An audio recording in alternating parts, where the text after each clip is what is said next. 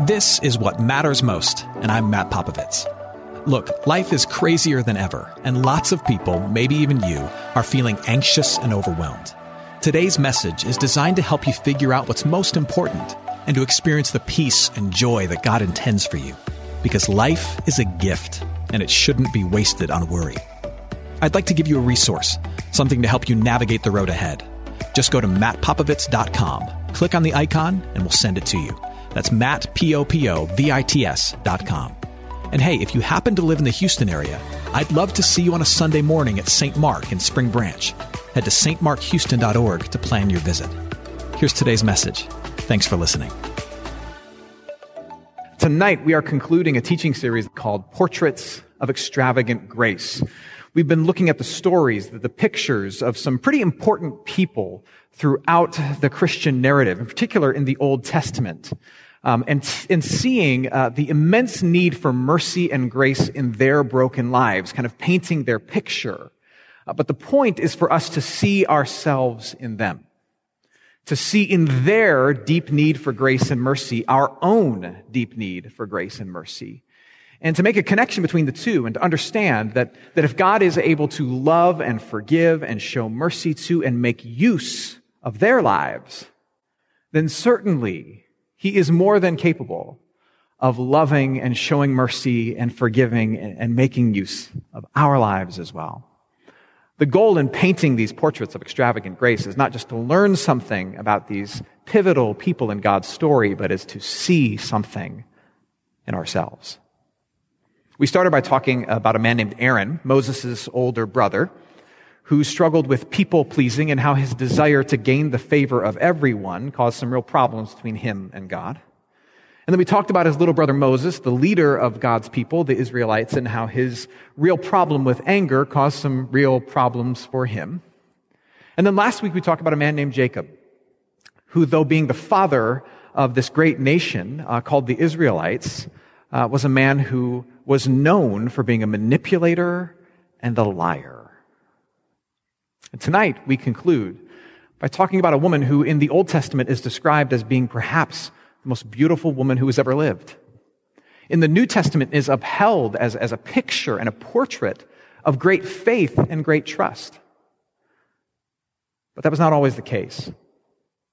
Tonight we're going to talk about a woman named Sarai. You might know her as Sarah the wife of Abram, who in, in the story that, that really, really speaks the most of her, she is not painted as, as a beautiful woman. She's not painted as a, as a, a pinnacle of faith. She's painted as a woman of incredible impatience and deep cynicism, both of which lead her to make some very regrettable choices.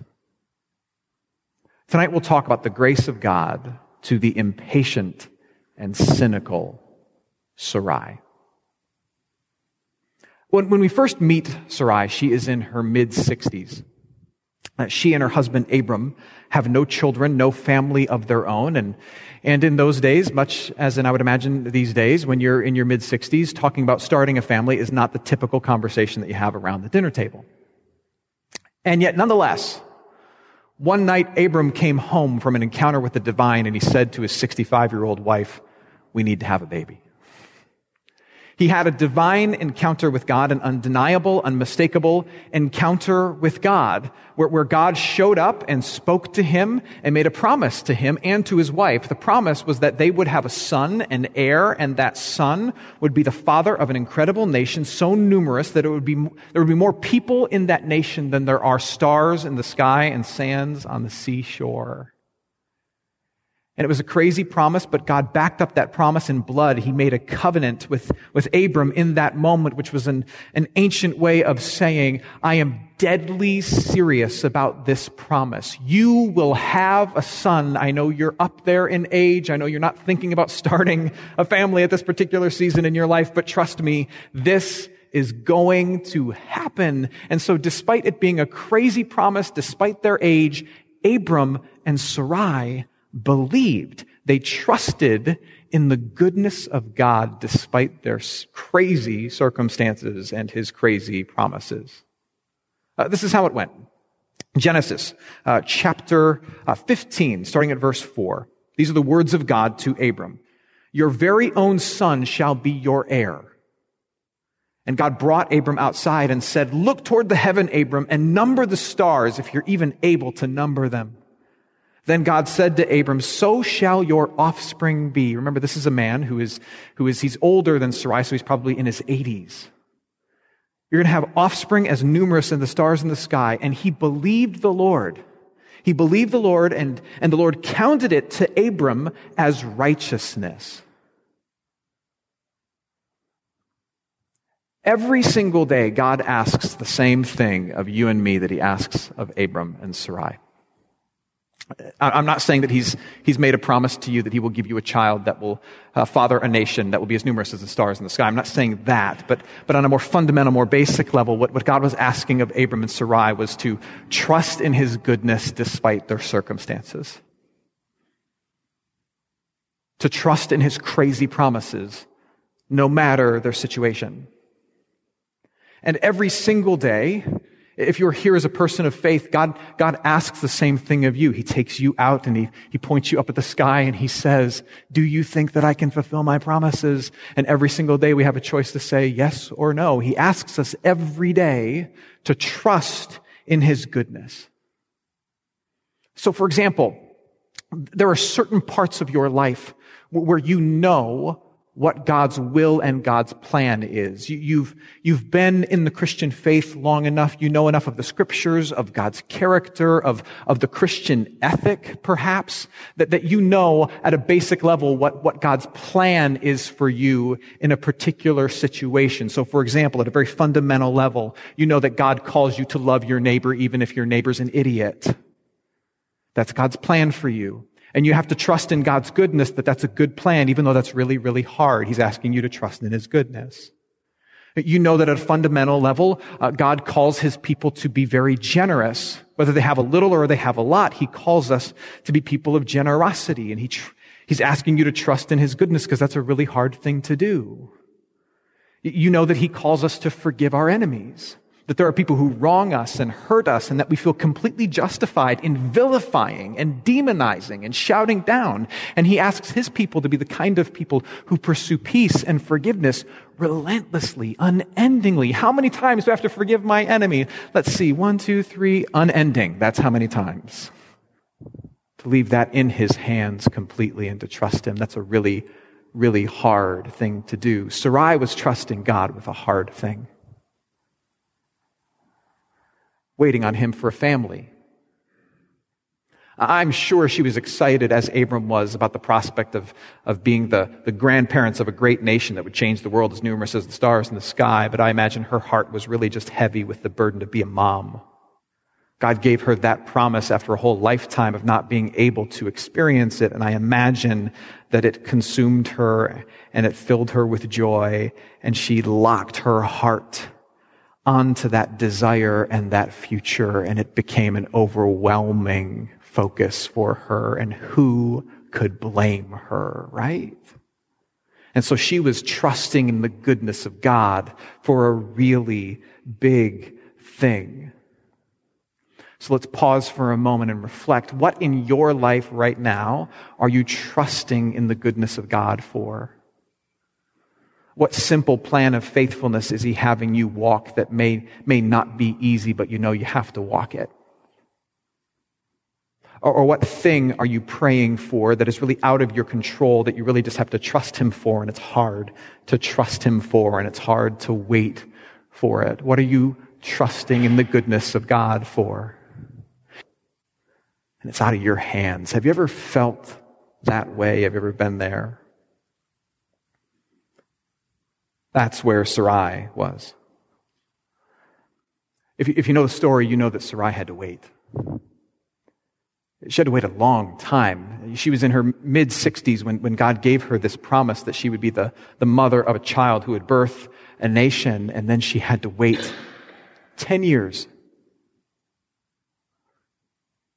10 years go by. So, so one year she waits and she's thinking, okay, all right, this, this promise is going to come. And then two years and then three years. And then four years, and then five years, and she's thinking to herself, had God delivered on this promise right away, he'd be starting kindergarten right now, or whatever they did in the ancient world. Six years. Seven years. It's got seven's the lucky number. It's got to happen now. Eight years. Nine years. Ten years. And she's had enough.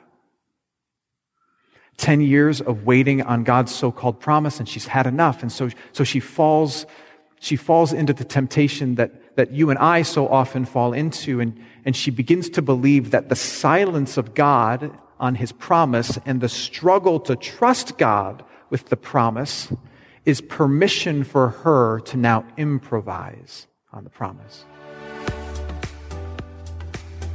I hope you're enjoying today's message. For more of what matters most, you can head to mattpopovits.com. There you'll find other messages. You can support this ministry as well as access your free gift. Oh, and if you're looking for a local church and you live in Houston, come and see what's happening at St. Mark Houston. To plan your visit, head to stmarkhouston.org. Thanks for listening, and back to today's message.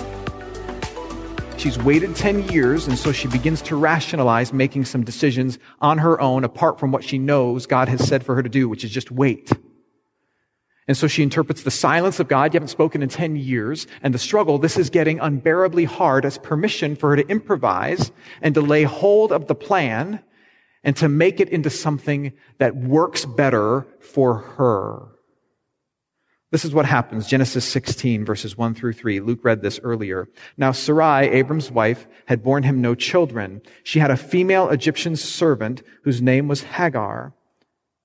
Sarai said to Abram, Now behold, the Lord has prevented me from bearing children. Notice she's now pointing a finger of blame at God. Go into my servant. It may be that I shall obtain children by her. And in the shortest, saddest, but arguably funniest verse in the Bible, Moses tells us this Abram listened to the voice of Sarai. In other words, she said, Maybe you need to sleep with my maid. And Abram was like, Well, you got to do what you got to do if you say so. it's just in, Abram listened to the voice of Sarai. oh, what an idiot. So after Abram had lived 10 years in the land of Canaan, in other words, after they've waited 10 years, Sarai, Abram's wife, took Hagar the Egyptian, her servant, and gave her to Abram, her husband, as a wife. When God is not working the, the way in which we want him to do, there is this urge that bubbles up in us to doubt him and do things ourselves. It's just the way we operate as human beings. God is not working according to my timing, so I need to doubt him and, and do things myself. You hear it in her words where she says, the Lord has prevented me. No, he's, he's not stopping you. He's just not working according to your timeline. I don't want to under, under, uh, I don't want to disregard how hard it is to wait for 10 years. Uh, but God is not preventing you from anything. He's made a promise to you. So Sarai hatches this horrible plan and she instructs her, her maid to sleep with her husband to conceive a child. And I'm sure in her mind at that moment, she is so tired of waiting and she is so angry at God that that horrible plan in her mind makes perfect sense because she's so desperate for the future to be the present. But you and I, with with the gift of hindsight and reading this story now, thousands of years later, we can see that her plan is, is sad and ridiculous. The lesson that Sarai learned for all of us is this. You can try to do God's job for him, but it will not result in God's peace for you. In the struggle to wait and to trust in his goodness, you can do God's job, but it won't result in God's peace. If anything, it leads to the opposite. It multiplies your trouble and your heartache and your pain. And that's certainly what happened with Sarai, picking up at verse 4 in chapter 16. When Sarai saw that Hagar had conceived, now remember, this was Sarai's plan, okay? When Sarai saw that Hagar had conceived, she looked with contempt on her mistress, on her maid. So I made you do this, and then you followed through on it, and it worked, and now I'm mad at you, and I'm going to punish you. And Sarai said to Abram, may the wrong done to me be on you. And I'm sure Abram is unbelievably confused at this particular point. I did what you told me to do, and now you're mad at me? Okay, no problem. I gave my servant to your embrace, and when she saw that she had conceived, she, my servant, she looked on me with contempt. So now she's, she is, she is projecting all of her self-loathing upon this person. May the Lord judge between you and me. But Abram said to Sarai, behold, your servant is in your power. Do to her as you please. In other words, don't be mad at me, your husband. Go, go punish her a little more. Then Sarai dealt harshly with her and she Hagar and her newborn child, they fled from her. When, when, when we take God's plans into our own hands, it always involves the lowering of our standards and the compromising of our values. We are settling for something less than the ideal, and we will then get something less than the peace of God that we actually want. And you see that in Sarai's actions. She works her own little plan and she gets exactly what she asked for and she has no peace to show for it. None at all. She's riddled with guilt. She's angry at her mistress and former friend, and she's frustrated with her husband, and she's now angry at herself because she's the worst version of herself, and worst of all, she's got this mess on her hands, but she's still right where she started without the child that she wants. Only now life is much more complicated. And you've been there. Now, those of you who know the story, you know that Sarai's choices caused some major problems. The son that, that Hagar bore uh, grew into a great nation in his own right, one that would war with God's people. You can Google the history of that. It's quite fascinating. But, but the good news to Sarai and the good news to, to all of us very impatient and cynical people is that despite, despite her insecurity and her interference, God kept his promises to her. Despite her insecurity, what are you doing? Why are you making me wait? And her interference, I'm going to hijack this plan with my own really, really bad plan. God kept his promises to her. Sarai's attempt to control God's plans didn't erase her from God's grace. Sarai's attempts to control God's plans didn't erase her from God's grace. He kept his word to her. And that's the thing to remember about God that we, we need to kind of hold on to as people of faith. Whatever God promises, God will bring about. That's what we believe. Whatever God promises, God will bring about. And nothing you do will change that. One of the great verses that reminds me of this is Isaiah 49. It says this, can a woman forget her nursing child that she should have no compassion on the son of her womb? Pause right there. Pretty impossible to think of a mother somehow forgetting to love her newborn child. Isaiah says this, even these may forget. Yes, it's impossible for a mother to neglect her child, yet I will not forget you. The love of God for you is stronger than the love of a mother for a child. Behold, I have engraved you on the palm of my hands. God explicitly spoke to Abram and Sarai, and he said, I'm going to make you parents of a great nation. And he did. He did keep that promise 15 years after the incident with Hagar. So, so Sarai waited 25 years in total 25 years in total to give birth to Isaac. It didn't happen in her timing or in her way, but it did happen just as God said. What God promises, God delivers on. So let me give you the, three things God has explicitly promised to you. Just as he explicitly promised a handful of things to Abram and Sarai. There are three things that he's explicitly promised to you. Two of them you know, and one I'm going to remind you of. He's promised you salvation and security and a good story. He's promised you salvation and security and a good story. Here's what I mean by this. Uh, one of Sarai and Abram's line would be the Savior of the world. His name is Jesus. So this, this childless couple would have a child late in life and he would birth a nation and out of that nation would come a man sent from God, God in flesh, who would reconnect the brokenness of mankind with the beauty of the Creator. And through his teaching and his life and his death, the gap between creation and Creator uh, would be erased and we would be connected with the Creator again through the forgiving work of this Son, the descendant of Abram and Sarai. And that's what salvation is. The implications of being disconnected from your creator are pushed away through, through the work of Jesus Christ and you are, you are saved from the burden and the brokenness and all the nastiness of being disconnected from your creator. You are reconnected with the one who made you and loves you through the work of Jesus Christ. That's salvation and that promise is yours and nothing you do can break that promise. Ever. That's God, that's God's work for you, unshakable, unstealable. It's done. But that salvation then also leads to a security. You are made right with that Father and you know that that Father, that Creator loves you and you belong to Him. And so that even though bad things happen to you, nothing will steal that love and that security from you.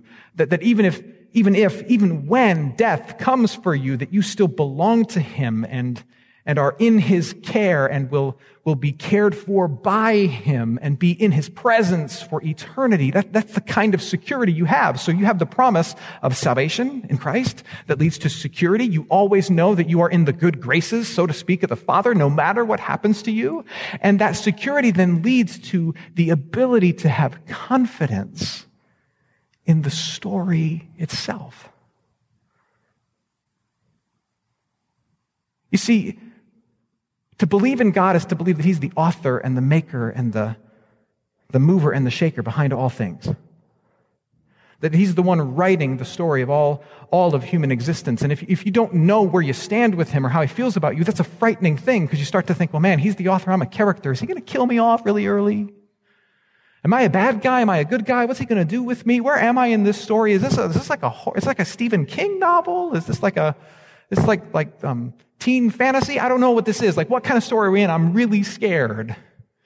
And yet, because you have salvation and security, you know that he's writing a good story.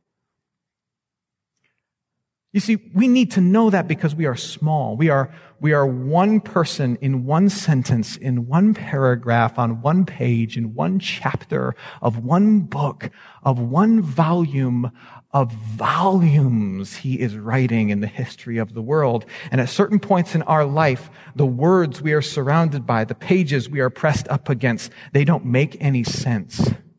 They might seem ugly or scary or completely nonsensical. And what we need to know as we look at what's around us is that the rest of it makes sense, that we are part of a story that is working for our good, that is working for our flourishing. And what faith in Jesus Christ tells you is that in Jesus Christ, God the Father has shown you the best part of the story, your salvation in the cross, and the end of the story, your eternity in the Father's family, so that no matter where you find yourself in the story, you can know that it's working for your good and your flourishing and written by a God who loves loves you because you know that in the center of the story you are saved and in the end of the story you are in eternity.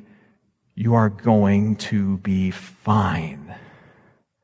And those unshakable promises give you peace no matter what you face because you know that the block of text you live in, no matter what God has you waiting on or walking through, is not the whole thing. When Sarai had her child, God changed her name. Changed her name from Sarai, which means princess in Hebrew, to Sarah, which, which means princess of many, or princess with a family, or princess with, with a legacy. And people have wondered, why in the world did he change your name? And and I believe the reason is, is actually quite simple. He changed her name because he wanted her to see herself and he wanted others to see her in light of the promise he kept, not the doubts she had. When she was Sarai, she doubted and she did some bad things, but now as Sarah, her name is a picture of the promise God kept to her. And he says, I'm going to see you in light of the promise I kept for you, not in the light of the doubts that you displayed. And he says the same thing to you. I see, I give you a new name. May we remember the promise he's kept to us, and may that give us peace as we face all the unfinished business he's asked us to work through. Hey, it's Matt. I hope you enjoyed what matters most. Here's what I need you to know life is a gift, and it shouldn't be wasted on worry. I want to help you figure out what's most important and to experience the peace and joy that God intends for you. So for more content, you can head to mattpopovits.com. That's Matt, P-O-P-O-V-I-T-S.com. There you can also support this ministry, as well as access your free resource, a little something to help you navigate the road ahead. I'd also love to see you on a Sunday morning. if you're in the Houston area, head to stmarkhouston.org to plan your visit. In the meantime, hit me up on Instagram at mpopovits or at facebook.com slash Matt Popovits Ministries. Thanks for listening. Now go and hold tight to what matters most.